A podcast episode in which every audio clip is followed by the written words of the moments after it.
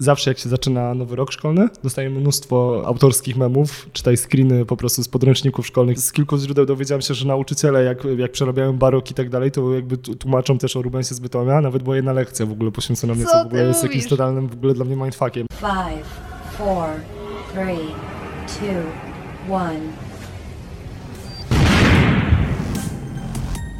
Podcast radioaktywny.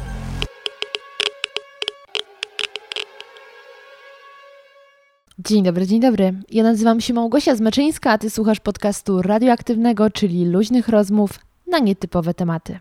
Umawiając się na rozmowę z dzisiejszym gościem, miałam nadzieję dowiedzieć się nieco więcej o fenomenie memów, a także o tym, dlaczego Rubens był z Bytomia. Okazało się jednak, że oprócz tego usłyszałam mnóstwo niezwykłych historii, jak chociażby ta, jak to jest w wieku 15 lat prowadzić fanklub Dody, a kilka lat później być menadżerem Maryli Rodowicz.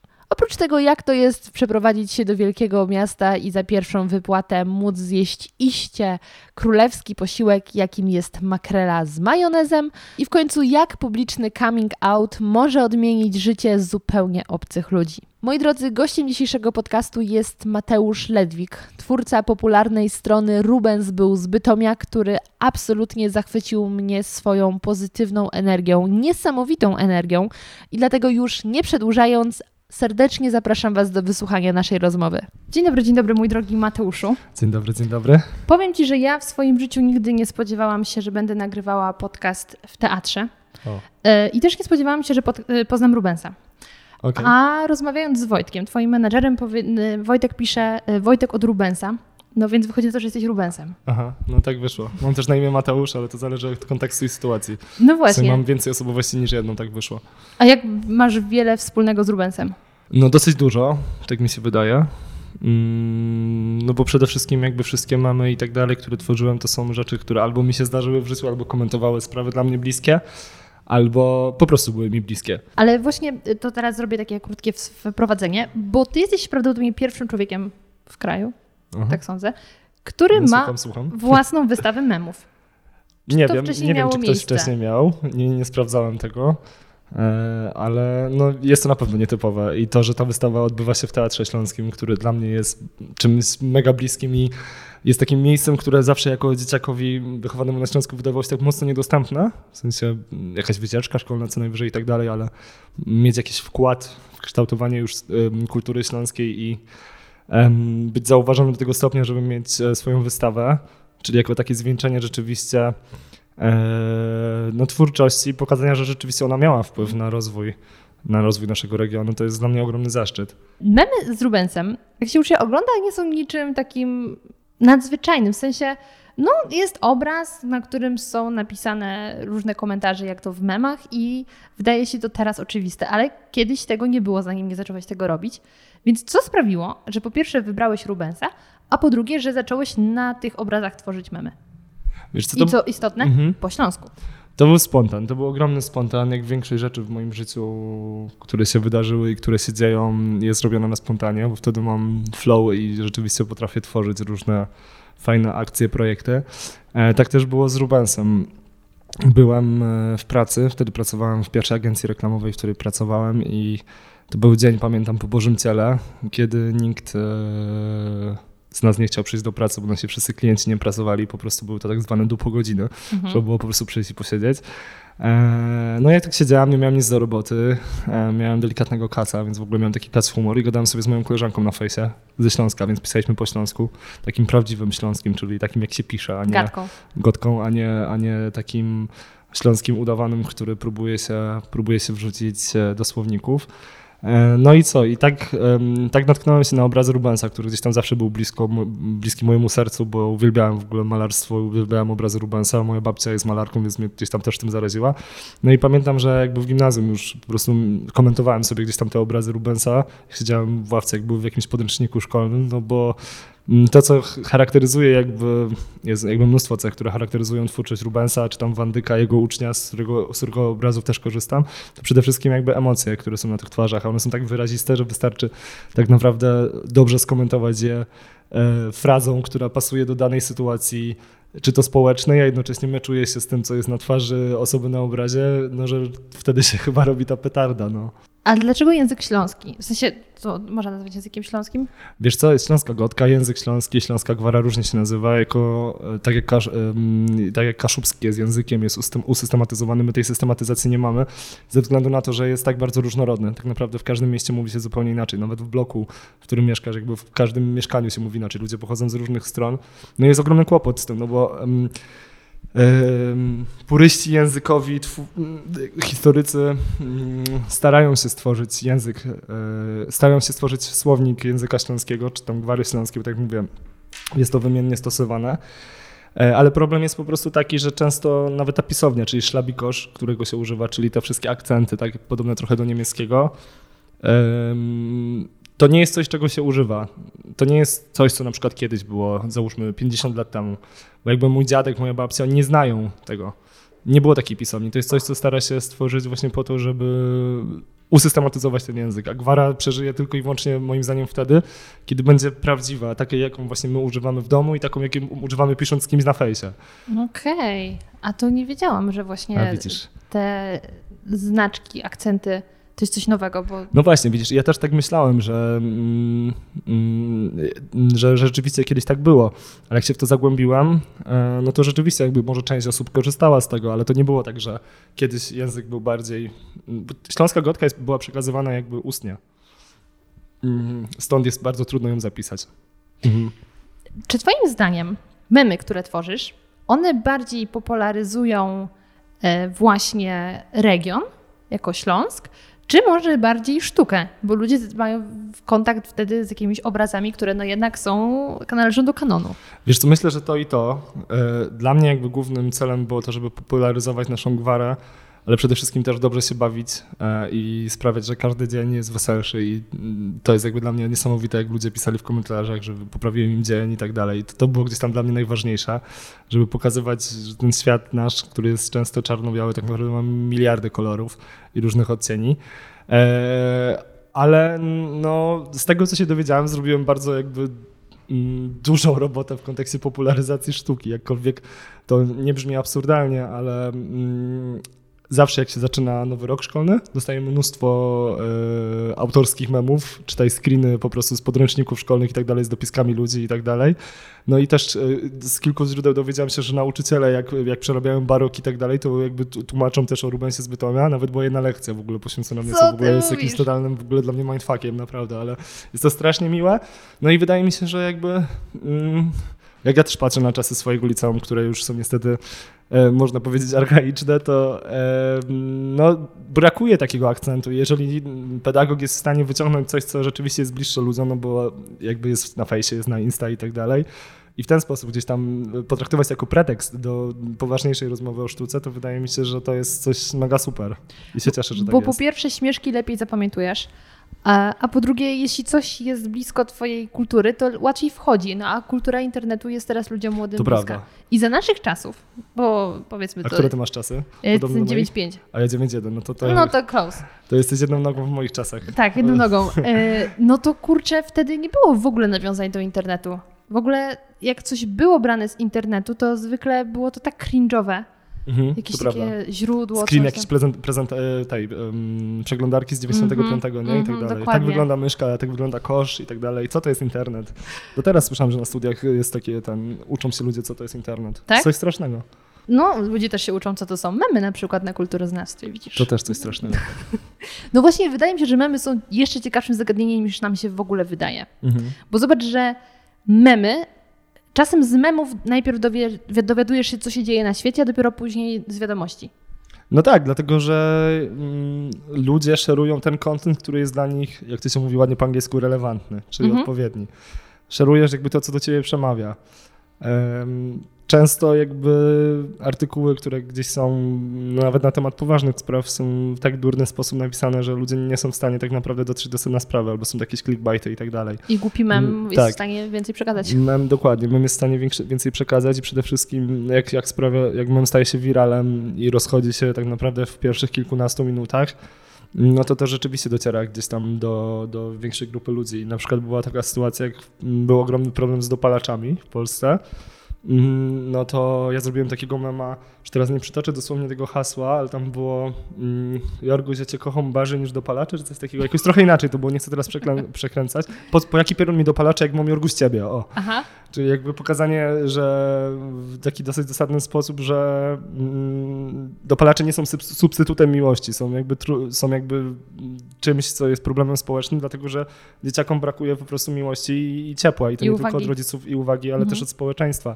No i to jest coś, co stało się gdzieś tam mocnym hitem w internecie. Wiadomo, że też przez tą warstwę humorystyczną, ale ten mem na przykład stał się jakby podstawą dyskusji na wielu portalach i tak dalej. Powstało dużo artykułów jakby wokół tego. No i wydaje mi się, że to też była jedna z takich, jeden z takich elementów. Ja, ja czułem się dumny jakby z tego, że wiedziałem, że chcę skomentować ten temat, ale czułem się dumny, jak zobaczyłem, że rzeczywiście mm, ta grafika poruszyła jakby rzeczywiście rozmowę wśród młodych ludzi, ale nie w taki sposób na zasadzie dopalacze są złe, nie możecie brać dopalaczy i tak dalej, co sprawia, że ludzie wpadają taką, dokładnie, moralizatorski, taką um, znieczulicę społeczną, tylko rzeczywiście coś do nich dotarło i jakby to był taki moment, kiedy o, fajny mem i tak dalej, to teraz sobie mogę o tym porozmawiać, nie? Więc jakby dotarło do serca, tak uważam. Czadowe.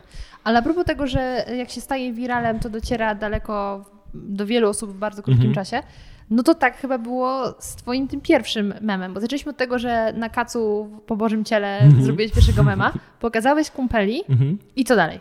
No właśnie, i, i to tam pierwszy mem to był, e, to był mem, znaczy już też tak nie pamiętam teraz, Ja pamię, pamiętam te początki, ale przede wszystkim tym bardziej, takim memem, który najbardziej zapamiętałem, to było Joje Beyoncé, Hilda Przestań. To jest najbardziej popularny mem, on tam ma e, jakieś miliony zasięgu i tak dalej, więc naprawdę dotarł bardzo szeroko. No i to był mem, który jako pierwszy zobaczyła moja babcia. Moja babcia mi już nie wiedziała, kim jest, kim jest Beyoncé, to zaczęła się tak śmiać, powiedziała, że muszę to koniecznie puścić.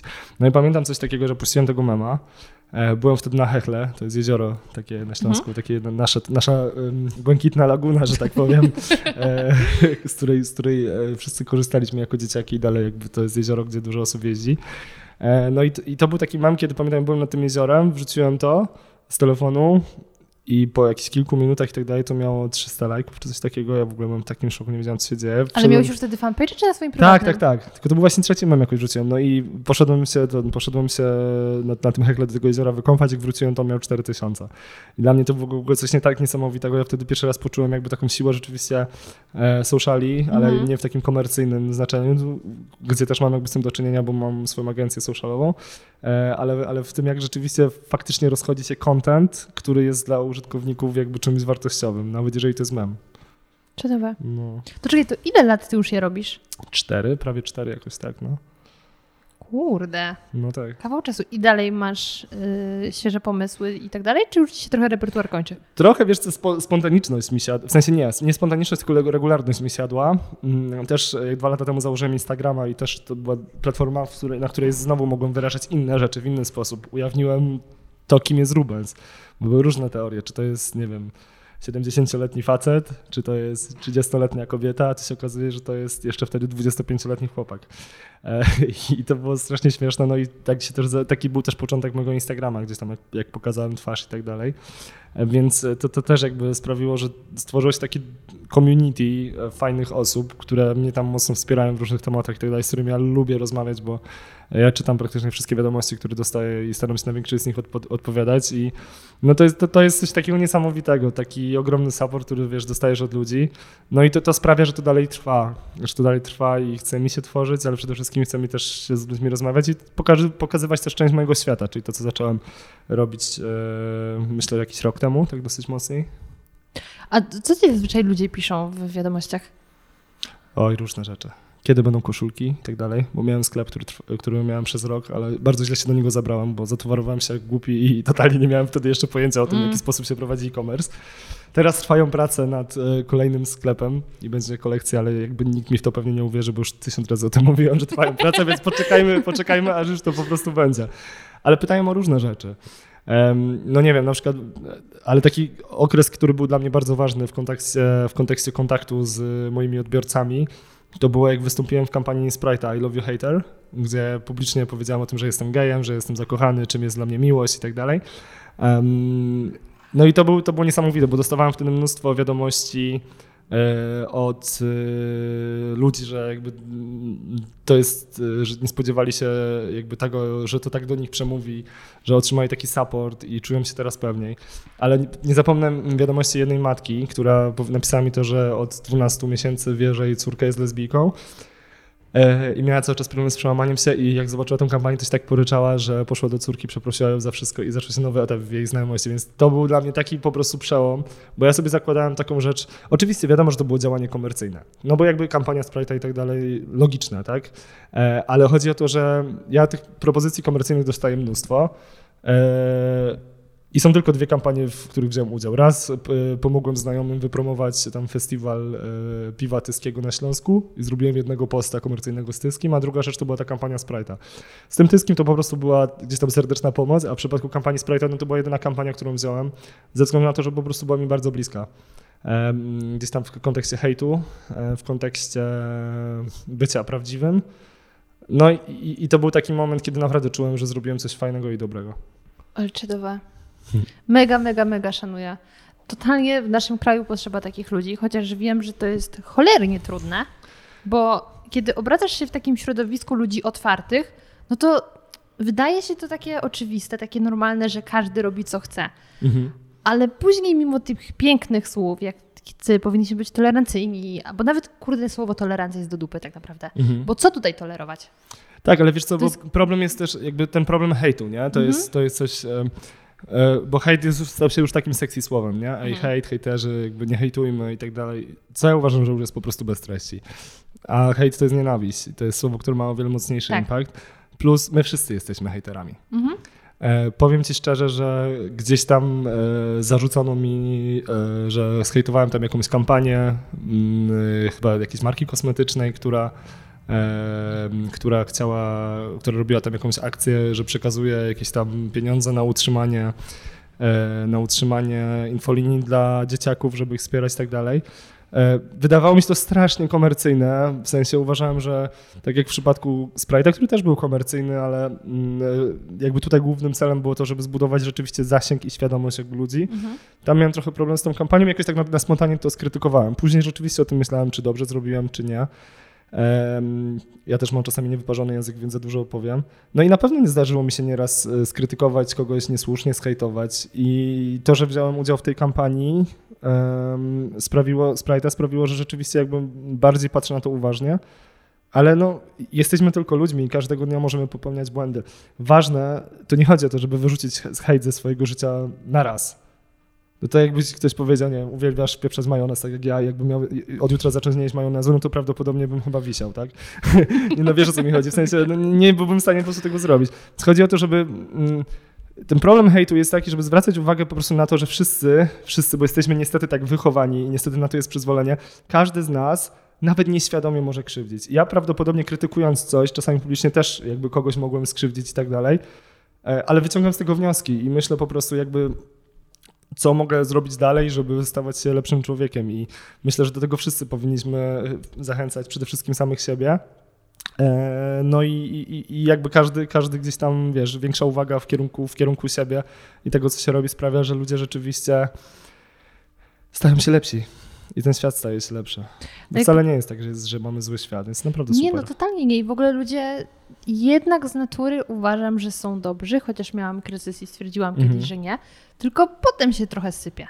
No oczywiście. I właśnie to mm, dla mnie o tym jest Joker. Nie wiem, czy oglądałeś tak, Jokera. Tak, ja tak, nie byłam w stanie go obejrzeć w kinie. W sensie siedziałam Aha. z zamkniętymi oczami i żałowałam, że przyszłam, bo Aha. był dla mnie tak poruszający, mhm. że właśnie jak długo człowieka będziesz szpilką tak ciukał, że tak mhm. powiem, to on w końcu nie wytrzyma i ta fala Wybucha. nienawiści, Dokładnie. którą on najpierw zbierał, wybuchnie Jasne. i przerzuci się na innych. Tam to było skrajnie pokazane, bo no. był to przykład jakby mordercy, ale... No i psychopaty trochę. Tak, ale dokładnie to są te wszystkie, yy, to są dokładnie te mechanizmy, które zachodzą jakby przy nawet najmniejszych działaniach, które są związane z wyrażaniem nawet delikatnej nienawiści mm. wobec kogoś, czy, czy tam niesłusznego krytykowania e, czyjś działań tylko i ze względu na to jakby na nasze wdruki i stereotypy. No i prawda jest taka, że mm, ja uważam, że my jako ludzie nie jesteśmy odpowiedzialni za to, kim się na danym etapie życia staliśmy, bo mieliśmy wdruki e, ze społeczeństwa, mieliśmy wdruki rodzinne, mieliśmy wdruki ze środowiska i tak dalej, w którym wyrastaliśmy. Ale w momencie, kiedy, mm, kiedy jesteśmy już dorośli i tak dalej, kiedy zaczynamy analizować jakby swoje życie, jest taki moment, kiedy się zatrzymujemy i możemy, możemy sobie powiedzieć, sorry, taki byłem, bo tak mnie ukształtował świat, może sam też miałem na to jakiś wpływ, ale zatrzymujesz się i kiedy zatrzymujesz się i wiesz, że coś cię ukształtowało, to to jest ten moment, od kiedy możesz zacząć powolutku zmieniać siebie.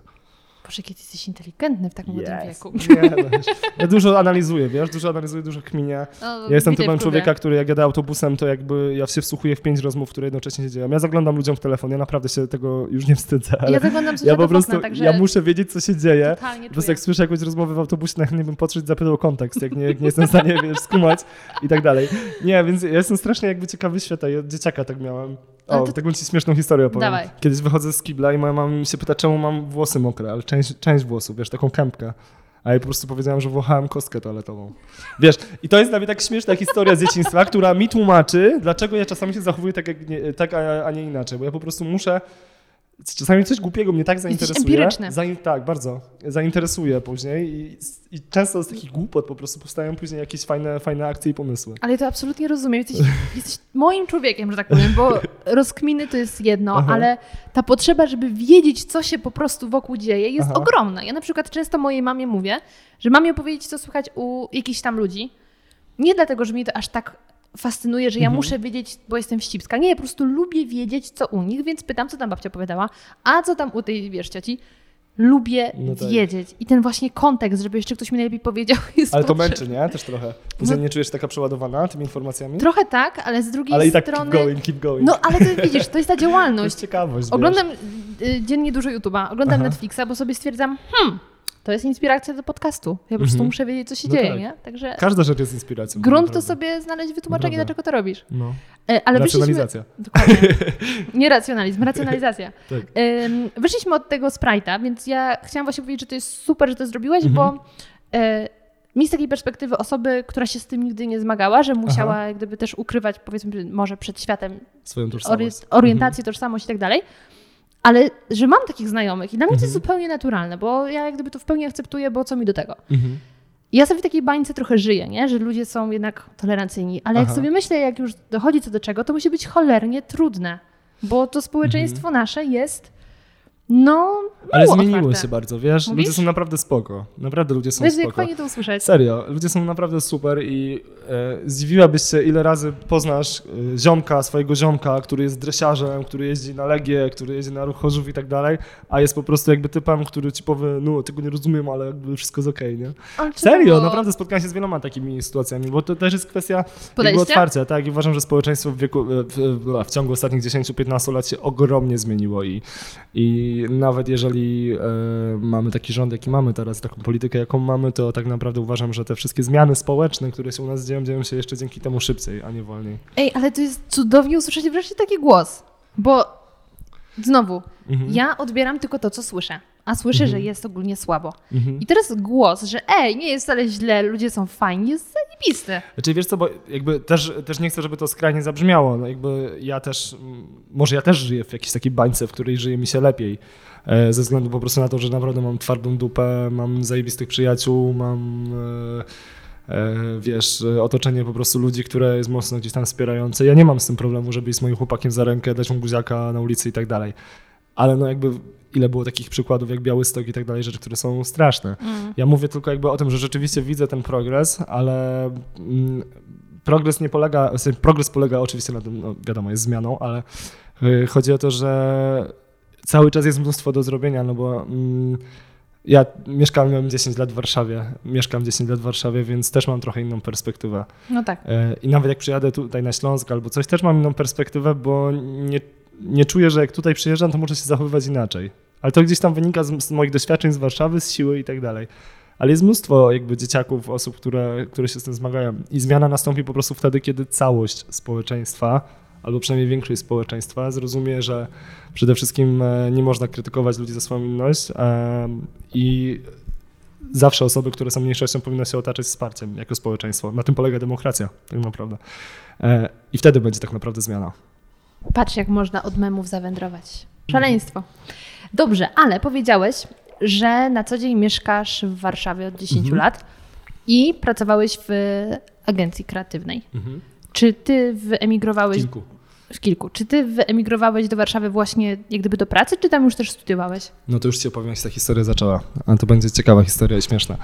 E, Bo ja generalnie studiowałem we Wrocławiu. Studiowałem dziennikarstwo, specjalizację PR, bo chciałem zajmować się wizerunkiem, wizer, wizerunkiem osób publicznych. Jak miałem Okej. 15 lat, prowadziłem fan klub Dody.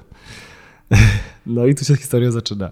Później gdzieś tam przez, przez to środowisko i tak dalej e, poznałem się dosyć mocno z Majką Sablewską i w wieku 17 lat zostałem jej asystentem i Majka zaoferowała mi to, żebym się przeprowadził do Wawy i zaczął wspólnie z nią pracować. Ja totalnie nie chciałem. Jaki ty światowy Ja jesteś? totalnie nie chciałem wtedy tego robić, e, bo totalnie nie czułem Warszawy. W sensie, tak jak byłem bardzo otwarty i mówisz światowy, tak Warszawa mnie przeraziła. Mhm. Jak pierwszy raz byłem mnie przeraziła. Dla mnie to było tak wielkie miasto. W sensie teraz się z tego śmieję, bo nie jestem w stanie sobie przypomnieć nawet tamtych uczuć. Ale ja się czułem, że tu budynki są za wysokie. Bo to było, nie wiem, czułem naprawdę jakoś, to, to było dla mnie coś przerażającego. E, ale przeprowadziłem się do tej Warszawy razem z moim chłopakiem, bo on chciał tam studiować, ówczesnym. No jak się przeprowadziłem do tej Warszawy, to tak nie do końca nam wtedy ta współpraca z Majką wyszła. E, mimo, że teraz mamy super kontakt i się przyjaźnimy, wtedy to też był dla niej taki przełomowy okres, bo e, to był okres, kiedy ona zakończyła pierwszą edycję X Factor, też szukała swojej nowej drogi po Czyli byciu ty menadżerem. byłeś mm, jej asystentem w jej karierze, czy w jej karierze bycia menadżerem gwiazd? Nie, w tym czasie jak ona była w X Factorze, czyli w momencie, kiedy była trochę- mocniej już była jakby takim doradcą wizerunkowym, mocniej, Mhm. się, mocniej się tym zajmowała. E, No i byłem gdzieś tam takim dla niej wsparciem i to jest taka to jest współpraca, która mnie tak wiele rzeczy nauczyła, z których korzystam do teraz, jestem jej ogromnie za to wdzięczny.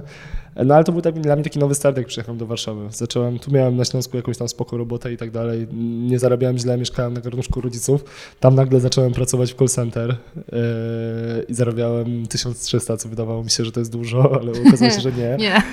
No i pamiętam taki dzień, jak sobie kupiłem makrelę wędzoną i sobie tą makrelę zjadłem po pierwszej wypłacie i czułem się, wtedy się czułem bogaty. Czułem się, że to jest to, czego potrzebuję, a potem poszedłem dalej płakać. I tak pierwszy rok. No i tak się od tego wszystko zaczęło. Poczekaj, Wróć, bo już jest kilka no. wątków. Po pierwsze, co to było za call center? E, cyfra plus. Tak, sprzedawałem usługi Cyfry Plus i stamtąd wyleciałem. E, tak, bo się, ja zawsze miałem tendencję do tego, żeby się oburzać, jak mi coś nie pasuje. I No, oburzałeś się na klientów, z którymi rozmawiałeś, czy na Wiesz co, nie, zupełnie, właśnie zupełnie nie na klientów, bo akurat rozmawiać to ja lubię.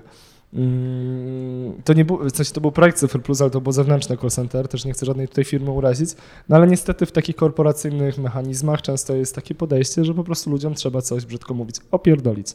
Mhm. E, a ja nie miałem takiego podejścia, nie mogłem rozmawiać, wiesz, z ludźmi wieku mojej babci i tak dalej. I wciskać im coś, czego nie potrzebują. tylko coś, żeby dostać 3 złote premii, tak? I to gdzieś tam było dla mnie nieważne, więc postanowiłem rzucić, wywalili mnie z tej pracy, w sensie chciałem powiedzieć, postanowili rzucić, ale to trochę było takie dwustronne. Nie miałem wtedy żadnej pracy, przez miesiąc byłem bez pracy, ale stwierdziłem, że jakoś, jakoś się odkuję, ale byłem, czułem się lepiej psychicznie. No i później zacząłem pracować w kawiarni, która była super. Poznałem tam fantastycznych ludzi. Mm, Skończyłem studia i nadarzyła mi się okazja Poczekaj, pracy poczekaj, ale w pierwszej... studia miałeś we Wrocławiu. Czy się przeniosłeś? We Wrocławiu, więc cały czas kursowałem. Warszawa, Wrocław, Katowice, 1300 e, kilometry, nieprzespane noce w polskich busach. Dwukrotna wtedy- ucieczka z polskiego busa, że stwierdzam, że dobra, pieprze nie jadę, tylko w Wrocławiu zostaję w Warszawie. Ty, ale ten polski No. bus, bo ja też jeździłam polskim busem Wrocław-Warszawa, jak Aha. e, zaczynałam karierę, w cudzysłowie, modelingową w Warszawie, a pochodzę z okolic Wrocławia. 7.15 jechał. 7.15, dokładnie. To jest, to jest niemożliwe. On ile teraz jedzie? Z 5? E, Cztery? Nie wiem, wiesz co, czy nie jechałem z, od tego czasu z Warszawy do Wrocławia Ale polskim ta busem, droga to była a męczarnia. pociągami się bałem jechać w nocy. Bałem No się, tak. no bo to, to nie był taki okres pociągów jak teraz mimo wszystko. Nie było 10 lat pendolino. Temu, dokładnie. To były czasy. No, a też jeszcze, wiesz, miałem 18 lat, to się byłem większym cykorem niż teraz. Teraz się niczego w życiu nie boję. A to jest Niczego. ciekawe, bo ja myślę, że byłam bardziej chojrakiem, jak byłam młodsza. Ja zupełnie nie, ja się naprawdę niczego w życiu nie boję, ja się nie boję śmierci. Serio. Brzmi jak wyzwanie. Totalnie. Ym, Okej, to kursowałeś, ale czy jeszcze mogę na chwilę wrócić do fanklubu Jasne. Dody? Oczywiste. Jak to wyglądało? Co robiłeś? Wiesz co, prowadziłem fanklub z e, Magdą i Wojtkiem e, i to jest kolejna ciekawa historia w moim życiu. Wspominam to bardzo super. Wiesz, my mieliśmy zaawansowaną strukturę. na, na, wiesz, na dzieciaki w wieku 15-16 lat mieliśmy postawioną całą stronę internetową, która miała panel fanklubowicza, gdzie się logowałaś, miałaś dostęp do niepublikowanych materiałów, do specjalnych pozdrowień od Dody dla fanów i tak dalej. Po prostu była to machina. E, rejestrowałeś się, dostawałeś legitymację fanowską, dostawałeś pakiet gadżetów i tak dalej. Czyli coś, co tak naprawdę, gdybyśmy w dzisiejszych czasach stworzyli, to chyba dalej mogłoby funkcjonować na takim poziomie. To była taka nasza po prostu zajawka, wiesz, jako dzieci, którzy nic za to nie zarabialiśmy, ale jako dzieci po prostu to był nasz pierwszy startup, który sobie wymyśliliśmy, jeszcze nie było wtedy tego pojęcia. Eee... Ale faktycznie, w... bo jak ja słyszę mhm. o takich fanach, fanach, bo ja oczywiście mhm. też jestem fanką jakichś artystów, tak. ale to jest takie, no, lubię ich. Mhm. Ale wiem, że na przykład Doda ma niesamowicie oddanych fanów. Ma niesamowicie to jest oddanych, taka religia tak. wręcz. Tak, jest mnóstwo fanów, którzy są z Dodą od początku, są do teraz, jeżdżą na, na wszystkie koncerty i tak dalej. E, ja tak kiedyś, ja tak się śmiałem, że mm, Dodę uwielbiam do teraz, kocham ją i uważam, że to jest naprawdę mm, silna, niesamowita postać i też się cieszę, że miałem teraz okazję z nią współpracować przy koncercie Artyści Przeciw Nienawiści już od innej strony. Mhm. E, i gdzieś tam, gdzieś tam się supportować nawzajem. E, ale jako dzieciak, e, no dla, mnie to była, dla mnie to była taka zajawa wtedy, to była taka zajawa, to był kontakt ze światem, który, w którym wtedy chciałem być, którego zupełnie nie rozumiałem, ale chciałem się go uczyć, chciałem go chłonąć i tak dalej. No i to sprawiło, że miałem taką nakrętkę, ale no w pewnym momencie, jak wiesz, jak stajesz się, jak stajesz się do, dorosły, zaczynasz funkcjonować też w tym świecie show biznesu i tak dalej, zaczynasz pracować, to wyrastasz trochę też z takiej pozycji fana, nie? I jakby zostaje ten sentyment, ale no... No Inna tak. relacja. Pojechałbym na koncert Dody jeszcze raz na pewno. Ale wtedy jako y, przedstawiciele, założyciele prowadzący ten cały fanpage, Klub? Nie fanpage, nie, fanpage. nie było Facebooka Klub? wtedy. Nawet naszej klasy jeszcze chyba to nie było. O panie, to no to nie. było prawie że przed wojną. No, prawie przed wojną. to wy wtedy mieliście taki wyjątkowy kontakt z Dodą, że Doda wam przekazywała właśnie te wszystkie pozdrowienia i tak dalej? On zawsze był taki mocno elitarny i zawsze był taki mocno, mocno zamknięty. Zawsze czuliśmy, że no mamy trochę lepiej, nie? Bo prowadzimy ten fanklub, więc tam możemy bardziej dostać. E, Doda była bardzo otwarta na fanów, zawsze po, po koncercie było spotkanie i tak dalej ale to zawsze było takie, wiesz, takie poczucie takiej, wiesz, audiencji u królowej, nie? Z czegoś takiego niesamowitego, takiego naprawdę doświadczenia. Niesamowite. Ale tak, no rzeczywiście, no myśmy o to walczyli wtedy, żeby mieć taką lepszą pozycję i tak dalej. Ale przede wszystkim jakby to poznałem wtedy mnóstwo fantastycznych ludzi, z którymi mam kontakt do teraz i i to było świetne. No i ja przykład, jak się nazywa mój menadżer? Wojtek, nie? Mhm. No to jest Wojtek, z którym prowadziłem fan klub Dody. Hit, co? I nie mieliśmy ze sobą, słuchaj, nie mieliśmy, tak, jest teraz moim wspólnikiem, nie mieliśmy kontaktu ze sobą e, od 10 lat i spontanicznie się spotkaliśmy w Łodzi, poszliśmy razem na wódkę, a po roku zaczęliśmy współpracować. Wojtek, Wojtek rzucił, super pracę, płatną super pracę, bo tak nie, nie e, na pewno była trudna też w call center w Łodzi, w, w marce w Telekomie. I stwierdził, że stawia wszystko na, na jedną kartę i przyjeżdża do Wawy, bo chce ze mną pracować nad tymi projektami, przy których ja uczestniczę i tak się zaczęła nasza współpraca.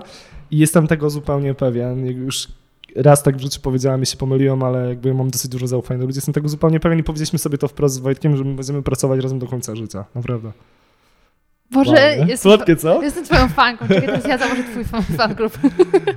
Dobra, wracamy. Rzuciłeś pracę w call center, bo już miałeś dość makreli. Rzucili mnie, no. E, no, no tak. okej. Okay. Ale jeszcze dałem ich. wyrzucić, o. O, dobrze, to brzmi lepiej. Tak. I co wtedy? Przez miesiąc miałeś pracy, mhm. a później znalazłeś no, później ta kawiarnia. A, kawiarni? Tak, później ta kawiarnia, to był taki, tak jak mówię, okres dla mnie odkucia się społecznego, bo miałem gdzieś tam, zacząłem mieć fajne kontakty w Warszawie, w sensie z ludźmi, których lubię. Mhm.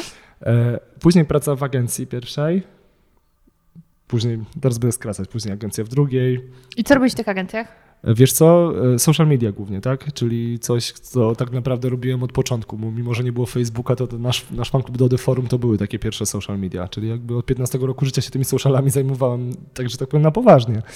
No i od tego, od tego gdzieś tam wszystko się zaczęło. No i przeszedłem przez współpracę naprawdę z wieloma klientami. I to począwszy od branży gastronomicznej, nie wiem, wprowadzałem na rynek taki napój Zbyszko Roko, który był kiedyś hitem dla dzieciaków i tak dalej. I, e, razem z Kasią, którą serdecznie pozdrawiam, boże jak w radiu, którą, która była wtedy moją szefową, wprowadzaliśmy i zrobiliśmy po prostu taki mega trend na to i, i wydaje mi się, że jakby wtedy, wtedy tego nie rozumiałem, ale jakby teraz jak patrzę gdzieś tam na swoją historię, to to, co sprawiło, że rzeczywiście jakby kilka tych projektów, które w życiu udało mi się zrobić i odniosły się takim dużym echem, e, wynikają po prostu z tego, że mam taką ogromną intuicję społeczną. W sensie jakoś czuję, co zażrę, co warto zrobić, co jest prawdziwe przede wszystkim i dlaczego Dlaczego? A to jest duża umiejętność. No wydaje mi się tak, ale nie wiem, czy to jest umiejętność. Wydaje mi się, że to jest umiejętność nabyta i wiesz, to jest jakby to, o czym, o czym rozmawialiśmy, mm, to jest ta obserwacja. Wszystkie insighty, wszystkie myśli, od których wychodzisz, tworząc projekt, biorą się z obserwacji. Jak jesteś otwarta na świat, chodzisz, patrzysz, słuchasz i tak dalej, zaglądasz komuś w telefon, to sprawia, że masz jakby mnóstwo pomysłów i, i wydaje mi się, że bardziej wtedy czujesz jakby to, co, co, e, co, co ludzie lubią, e, czego ludzie potrzebują i jesteś w stanie na to odpowiedzieć.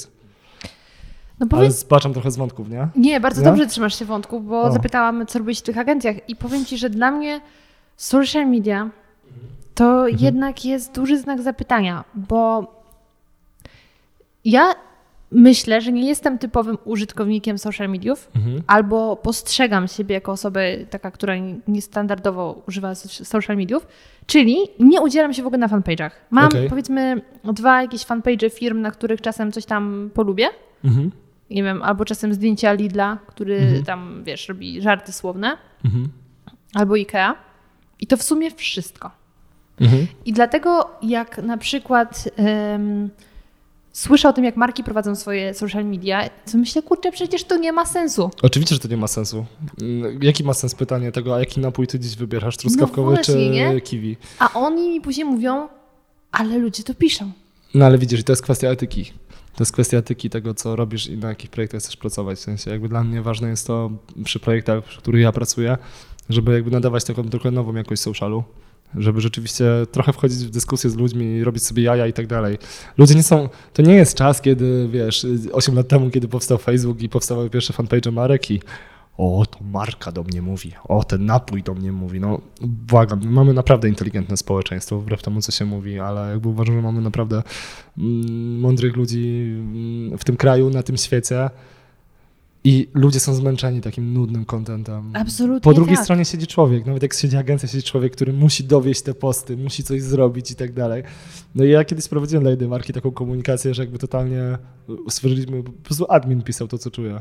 I z jednej strony wrzucał postę, z drugiej pisał, yy, wiesz, co tam.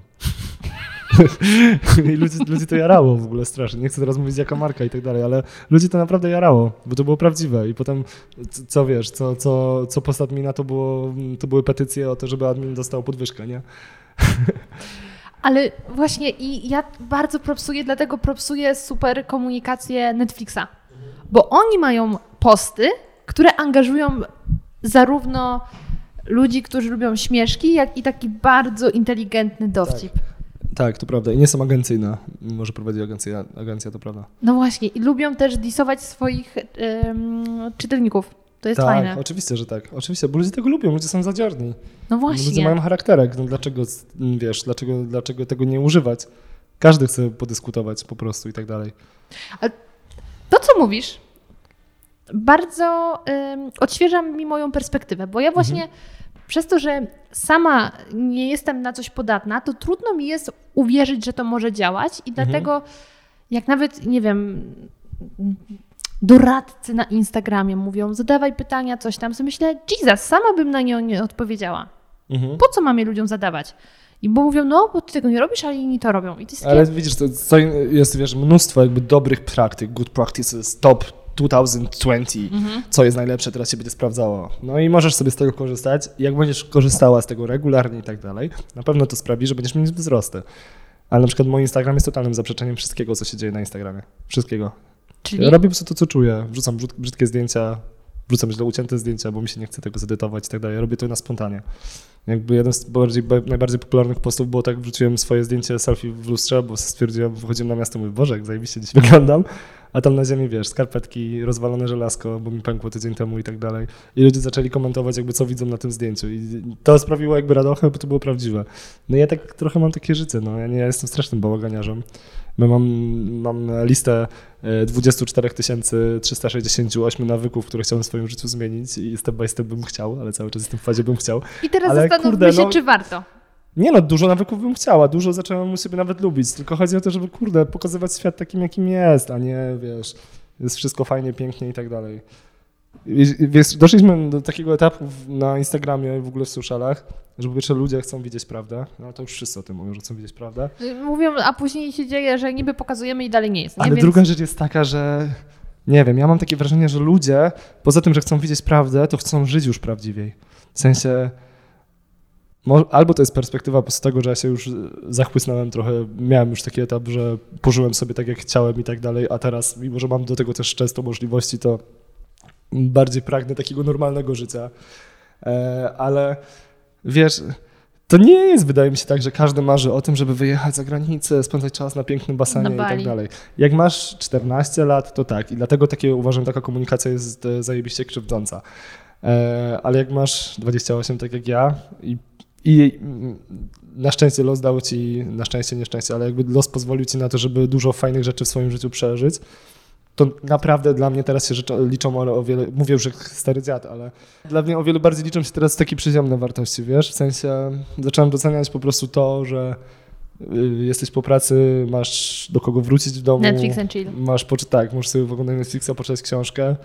Mm, mam mnóstwo, mnóstwo fajnych znajomych, kilku zajebistych przyjaciół, uwielbiam z nimi spędzać czas, ale to nie jest już etap mojego życia, kiedy chcę spędzać każdy wieczór z przyjaciółmi, wychodzić na imprezę, czuć się zajebiście. Bo się często czuję źle i się nauczyłem tego, żeby pozwolić sobie na to, żeby czuć się źle, bo zawsze miałem tendencję do dążenia tego, ej, nie można się czuć źle, trzeba się czuć super, super, super, super. Ja się od roku tego uczę. Całe życie się uczę. Mhm. Całe życie się będę uczyć pewnie. Jest. Głęboko. No. Dobra, rzuć, agencja, agencja, agencja i w końcu rzuciłeś pracę w agencji. Tak. I ja mniej więcej wiem, jak to wyglądało, bo jak o. ci mówiłam, mamy wspólną koleżankę, więc ona mi co nieco no to powiedziała. opowiadaj. No ja słyszałam, właśnie chcę usłyszeć od ciebie, no. że z dnia na dzień stwierdziłeś, że pieprzysz to. Tak. Yy, I nie mając żadnego zaplecza, po prostu stwierdziłeś, pieprzę to i rzuciłeś pracę i jakimś czasie założyłeś swoją agencję od tak, dokładnie tak to było. W sensie mm, pracowałem w super agencji, w sensie naprawdę 180 Heartbeats. E, z wszystkich agencji, w których miałem okazję pracować, nie było jakiegoś super wiele, ale to, to, było, to, było, to był etap, gdzie się naprawdę mnóstwo nauczyłem. Miałem e, świetny team. Ja pracowałem tam na projekcie Nike i tam e, kierowałem komunikację na kanałach, trzech kanałach Nike, ale już miałem po prostu ogromny przesyt chodzenia codziennie do roboty. E, I strasznie, jakby ja jestem typem osoby, która uwielbia pracę zdalną, uwielbiam to, żeby nie siedzieć cały czas w jednym miejscu. Ja po prostu nawet jak jestem w biurze, to muszę 40 razy się przesiąść i tak dalej. Jestem po prostu jakimś totalnym freakiem, neurotykiem, wszystkim, co, co często pomaga kreatywności, ale utrudnia pracę w ramach normalnych e, obowiązków. No i byłem wykończony już tym, już bardzo nie chciałem pracować, no i pewnego dnia po prostu e, czułem, że mam szansę pozyskać jednego klienta jak już do swojej agencji pierwszego, ale nie, w ogóle nie wiedziałem, czy to się wydarzy. Nie miałem przesłanek, że będzie super albo coś. Walnąłem wszystkim jednego dnia, pojechałem do domu, uciekłem z pracy. E, I pamiętam, że stanąłem w, przy blacie kuchennym, położyłem głowę na tym blacie kuchennym z takiego wycieńczenia. Stwierdziłem, pierdolę. Po prostu choć nie wiem, co się stało. Dzisiaj kontaktuję się z moją szefową i mówię, że odchodzę z pracy. E, I pamiętam, wtedy poleciała piosenka w radiu. E, mm, Sabina, jakaś tam, nie pamiętam już teraz, i to, ta piosenka leciała They say I'm young, but I'm not too young, young to know how to love. No i to niby o miłości, ale chodzi o to, że cała ta piosenka miała taki wydźwięk stary, e, jestem gówniarzem i tak dalej, e, ludzie, którzy mają agencję mają 40-50 lat, ty masz 25 na to rzucasz, a ta piosenka miała właśnie taki wydźwięk jesteś młody, ale nie jesteś za młody, żeby spróbować, żeby postawić na swoim. I ja sobie tak bardzo wziąłem te słowa tej piosenki wtedy do siebie, no, że uważam, że mi się naprawdę to udało zrobić po tym czasie. I teraz jak wygląda Twoja agencja? W tym, w tym momencie zatrudniam kilkanaście osób. E, mam zarówno agencję i management muzyczny i management twórców, bo zajmujemy się też TikTokerami z takich właśnie new mediowych rzeczy bardzo mocno, które były dla mnie bardzo obce. O, to teraz mi powiesz o TikToku. ja ci opowiem. E, no i, e, no i co? I przede wszystkim mam naprawdę, mam teraz taki bardzo fantastyczny team ludzi, którzy, z którymi się przyjaźnię, bo... Mm, wiesz, jest dużo takich podejść do pracy z teamem, że z jednej strony szef, przyjaciel i dużo firm robi coś takiego, nie, że szef rezygnuje ze swojego pokoju, żeby siedzieć z pracownikami i to są, wiesz, dużo takich żygów, albo wiesz, że masz w pracy łóżka, na których się możesz położyć, ale jak się położysz, to cię wypierdolą, nie? No, to jest właśnie tak, wiesz, taka... Pozory. Tak, pozory. A ja przede wszystkim teraz stawiam na zaufanie. Na zaufanie na, na to, że rzeczywiście, bo uważam, że jak ci z kimś się zajebiście pracuje, niezależnie na jakim stanowisku jest ta osoba i jak to działa w dwie strony. Mimo, że jak jesteś szefem, to zawsze masz trochę, mm, wiesz, zawsze ktoś się na ciebie wkurza, no to jest normalne. Ale ten, yy, tym bardziej, że mam strasznie twardy charakter. Yy, ale jeżeli masz e, przy sobie takich ludzi, że czujesz, że ta chemia idzie w dwie strony i ta chemia od roku, dwóch dalej działa, no to jakby widzisz, że to są te osoby, z którymi chcesz spędzać czas. I ktoś mi kiedyś powiedział, że jeżeli, jeżeli nie jesteś w stanie pomyśleć o tym, żebyś z tą osobą przepracował całe życie, to nie pracuj z nią ani jednego dnia. I trochę to jest prawda, wiesz, bo miałem na przestrzeni jakby tych ponad dwóch lat, już prawie trzech swojej agencji, e, Miałem różne współprace, nawet bliskie i tak dalej, gdzieś tam zakrawające wspólnictwo, które no nie do końca były szczere i się nie udały. Teraz czuję, że mam naprawdę, mam przy sobie tak fantastycznych ludzi, że ja się, ja się budzę rano i po prostu mam taką podjarkę tym, co robię, że to jest w ogóle niesamowite. No, No, słodko. serio. Ym, możesz zdradzić, kogo macie management? Wiesz co, kogo mamy management? Jedną osobę wiem. E, tak, do jedną osobę wiesz i to jest osoba, na której się teraz mocno skupiamy, Marylę Rodowicz. Spełniliśmy marzenie przede wszystkim Maryli, bo Maryla miała ogromne marzenie, żeby ruszyć w trasę akustyczną. E, co nie było wcale takie łatwe do organizacji i poprzedni organizator tak troszkę no niefajnie podszedł do tej trasy, a myśmy zdecydowali, że chcemy to zrobić, bo czujemy też w tym potencjał, no i jesteśmy w tej trasie teraz. Trasa wyszła, mogę już powiedzieć, że wyszła super, bo e, jest to kilkanaście koncertów i na pewno będziemy z tą trasą wracać i na jesieni tego roku i w styczniu przyszłego roku. E, I to jest jakby taki projekt, na którym Wojtek, który właśnie kieruje tą częścią managementową, teraz się głównie skupia, dlatego że ten nasz managementowy team jest jeszcze malutki. Jest tak naprawdę Wojtek, są trzy osoby też, które pracują przy trasie, no i to jakby mm, teraz angażuje tą całą część. No i Wojtek robi to doskonale tak naprawdę.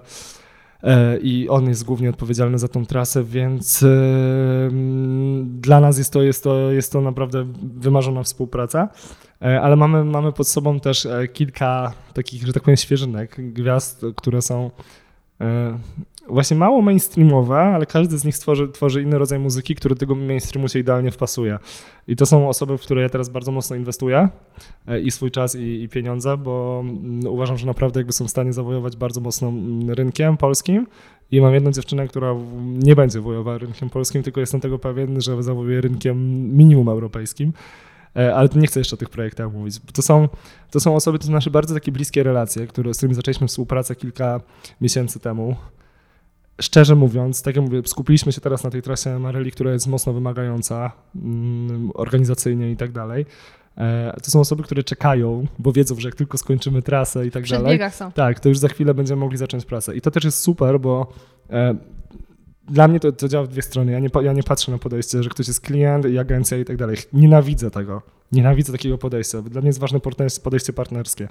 I jeżeli jest nam to dane, żeby z tymi osobami rzeczywiście stworzyć świetne projekty, a wierzę, że jest, to jakby o, godzimy, dwie strony się godzą jakby na kompromis. I to jest strasznie fajne, bo jakby wspierają nas w tym, co w tym momencie robimy, a tak naprawdę jakby ich czas przyjdzie, no i to uważam, że będzie gigantyczny czas i tak naprawdę się wydarzy jeszcze w tym roku.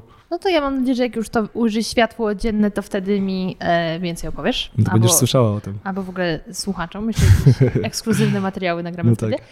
Em, a miałam jeszcze zapytać o... Czekaj, bo jeden to jest management, drugie to jest agencja, TikTok. TikTok. Jak tam na TikToku? O co pytasz? Rozpracowałeś już to medium? E, trochę.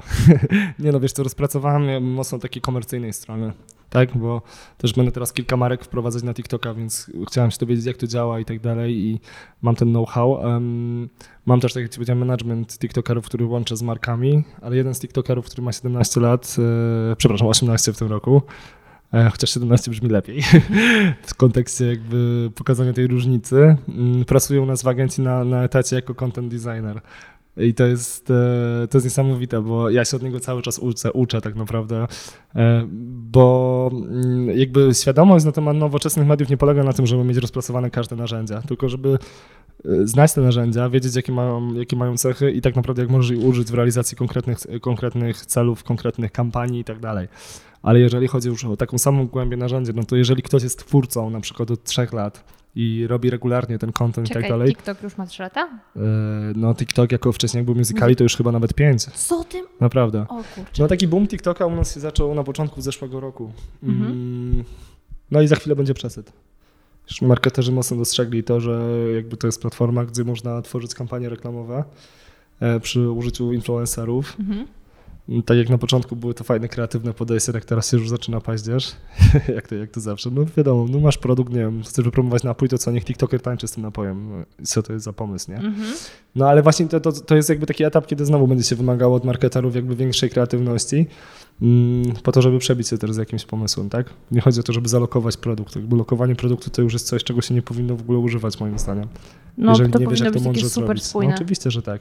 Tu nie chodzi o to, żeby ukrywać ten produkt. Ludzie się jarają w ogóle fajnymi, fajnymi akcjami i kampaniami. To tak. nie jest tak, że młodzi ludzie nienawidzą marketingu. Oczywiście, że są odporni na reklamy, bo nie chcą widzieć e, instagramerek, które, wiesz, które e, pokazują swoje jedno udo i takie dwa paski z białego kremu i, i wiesz, i trzymają w ręce butelkę z kremu na tak. celulit. Wiesz o co chodzi? No taki żyk Totalnie. po prostu jakby, no jakby często w ogóle patrzysz na, na, te osoby, wiesz, że to są osoby, które są z pierwszych stron gazet, zarabiają mnóstwo kasy, reklamują produkt, który w ogóle, którego by nigdy nie użyły, nie?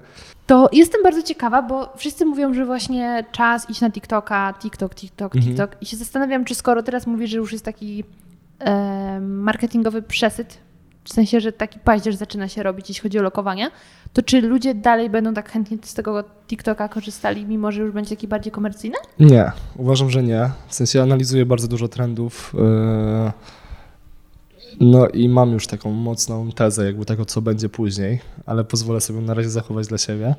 Yy, ale jeżeli chodzi o TikToka, nie wszyscy moim zdaniem wejdą na TikToka, chociaż jest tam bardzo szeroka grupa w tym momencie. E, no i mam taką, e, w sensie to narzędzie będzie istniało, ono będzie istniało, będzie gigantyczne.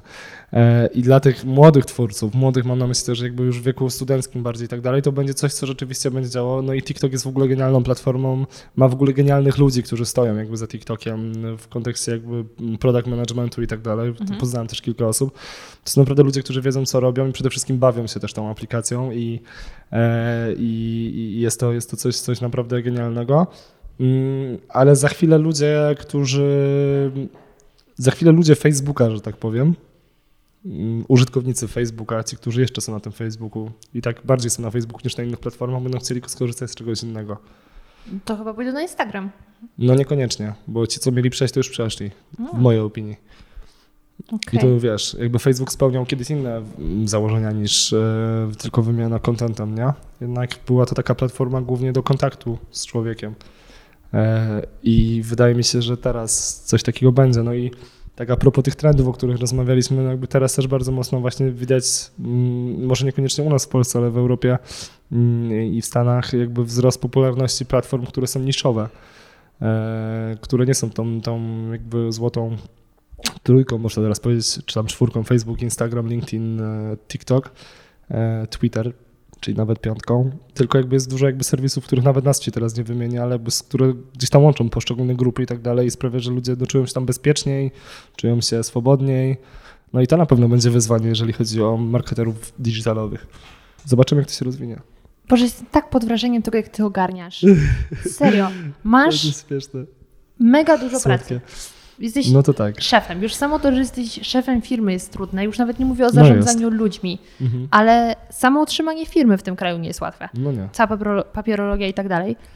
Ale ciągle masz wielkie pokłady kreatywności. Jarasz się wszystkim, o czym opowiadasz i jeszcze obserwujesz trendy dookoła. To jest naprawdę zajebiste. No to miło mi bardzo. No i, i tak trochę, wiesz, w życiu mi o to chodzi, bo mm, ja nie lubię nudy. Przede wszystkim nie lubię nudy i nie lubię robić tego samego cały czas i na tym też polega rozwój firmy, którego się uczę, bo mimo wszystko jeszcze 28 lat, ale no, mam takie podejście, że jak się już czegoś nauczę dobrze, to uczę innych i przekazuję im to, a ja się uczę nowej rzeczy. I to jest szlachetne. Na tym nie wszyscy. Czy szlachetne, to nie, nie wiem. Nie wszyscy chcą uczyć innych, bo się boją, że ktoś ich zastąpi. Ale to zawsze ktoś zastąpi. No ale niektórzy, zawsze... wiesz, myślą, No właśnie ja nie mam takiego podejścia. Ja, ja, nie mam, wiesz co, zazdrości w sobie. Znaczy mam czasami, jak się... no czasami mam, wiadomo. Ale wiesz, nie, nie jestem jakimś tam ideałem, ale e, ja się lubię inspirować od starszych osób ode mnie i od młodszych. I to działa w dwie strony i uważam, że jeżeli ktoś dochodzi do zajebistej kariery uczciwą pracą, to brawa i naprawdę jakby to jest kolejna osoba, której się może uczyć. Niezależnie od tego, co robi i w jakim jest wieku. A powiedz mi, planujesz zostać w Warszawie, czy jednak Śląskość cię ściąga tutaj? Nie wiem, w sensie, jakbyś zadał mi to pytanie rok temu, to bym ci powiedział, no oczywiście, że Warszawa. A teraz wiesz co, jestem w takim gdzieś tam rozstaju, bo trochę potrzebuję odpoczynku od takiego biegu. Mm, tak jak ci mówię, moja praca jest głównie zdalna i e, tak też tworzę całą agencję razem z Gabą, która jest teraz e, od tej części marketingowej managing directorem i ona też jakby idzie, dołączyła do mnie niedawno w teamie, do teamu i też idzie jakby tą samą drogą tą wizją, którą ja miałem na agencję, żeby to była agencja bez biura, więc finalnie zrezygnowaliśmy z biura. I tu nie jest kwestia tylko kosztów, oczywiście, wiesz, mając biuro w agencji jest to spora oszczędność, ale przede wszystkim chodzi o to, żeby um, dać trochę ludziom pozwolenie na to, żeby pracowali tak, jak chcą, e, a to wymaga jakby systemu, to wymaga systemu, jak się system dobrze opracuje, to wszystko działa. Ja też dużo jeżdżę, dużo podróżuję i po Polsce i za granicą mam projekty w różnych miejscach tak naprawdę świata. E, więc ja nie jestem przywiązany tak naprawdę do jednego miejsca. Ale powiem ci, że odkryłem Śląsk na nowo. Mm, jestem tutaj e, teraz dwa tygodnie. Wcześniej byłem też dwa tygodnie, co mi się rzadko zdarzało. Przepraszam, bo zazwyczaj przyjeżdżam do rodziców na jeden, trzy dni. No i się tu zakochałem. Mm. Co jest jakby inną kwestią. Nie w Śląsku, tylko w kimś. No tak. E, co jest naprawdę dla, na pewno dla mnie ważne, ale to też jest kwestia gdzieś tam decyzji, gdzie chcielibyśmy razem mieszkać. Plus jakby łączenie Warszawy Śląska też nie jest trudne, ale przede wszystkim jakby wiesz co, zaczęło mi się podobać to, że jednocześnie mam tutaj też fajne projekty. To wszystko robię zdalnie i mam frajdę nakrętkę w ciągu, w ciągu dnia, takim jak mam w Warszawie. Ale ten wieczór jest jakiś taki fajniejszy, spokojny i mam wrażenie bardziej treściwy. Nie wiem, zobaczymy.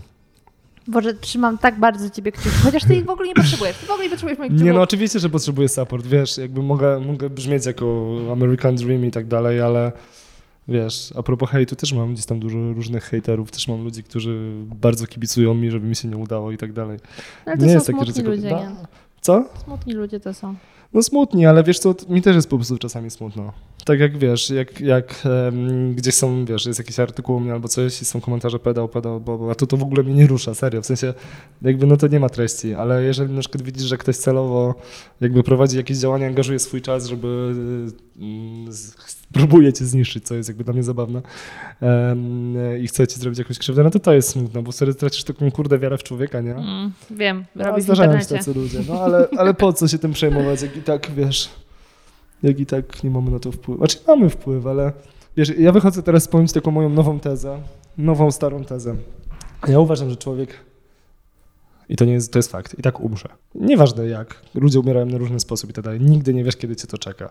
I niezależnie od tego, jaką religię wyznajesz, to jest ta jedyna rzecz, na której nie masz wpływu. Nie masz wpływu na to, kiedy to się stanie, w jaki sposób i tak dalej. Mhm. Więc po co na to czekać i bać się, że to się akurat może stać teraz?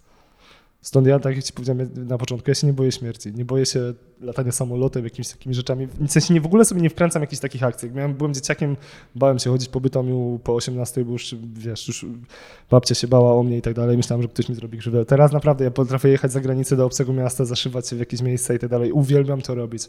I uważam, że naprawdę ryzyko jest fajne i lubię ryzykować i i chyba dzięki temu ryzyku udaje mi się robić fajne rzeczy w życiu, bo gdybym tego nie zrobił, to prawdopodobnie bym się delektował dalej makrelą, którą dalej uwielbiam. Z majonezem. Piękna puenta. To mój drogi, y, bardzo dziękuję Ci za to, że znalazłeś Super, ja czas w tym maratonie koncertowym. Jeszcze nie Twoje mi. koncerty, ale może kiedyś? Nie, już tego nie, nie będę robić. Chociaż wiesz. Nie, Who knows? Ale, tu chodzi o tą odpowiedzialność społeczną, wiesz? Żeby. A, że dlatego nie też występują. Tak. Szanuję. I jak wrażenia? Mam nadzieję, że podobnie jak mnie udzieliła Wam się pozytywna energia Mateusza. Oczywiście wpadnijcie na fanpage Rubens z Bytomia, bo jestem przekonana, że nawet jeśli nie znacie śląskiej gotki, to zrozumiecie sens tych memów i niejednokrotnie na Waszych twarzach pojawi się uśmiech. Jeśli podobał Wam się ten odcinek, jeśli w ogóle lubicie słuchać podcastu radioaktywnego, to pamiętajcie, że dobrem warto się dzielić i możecie podrzucić podcast swoim znajomym, a także napisać pozytywną opinię na iTunesie, bo dzięki temu podcast ma szansę trafić do szerszej publiczności. Zapraszam Was gorąco na moje social media, Instagram zmaczne.go, gdzie codziennie witam się z Wami pozytywnym dzień dobry, dzień dobry, a także na Facebooka Malgosia Zmaczyńska, podcast Liczba Mnoga, ponieważ prowadzę jeszcze jeden podcast kulinarny Zmacznego. Na koniec chciałabym bardzo serdecznie podziękować wszystkim moim patronom.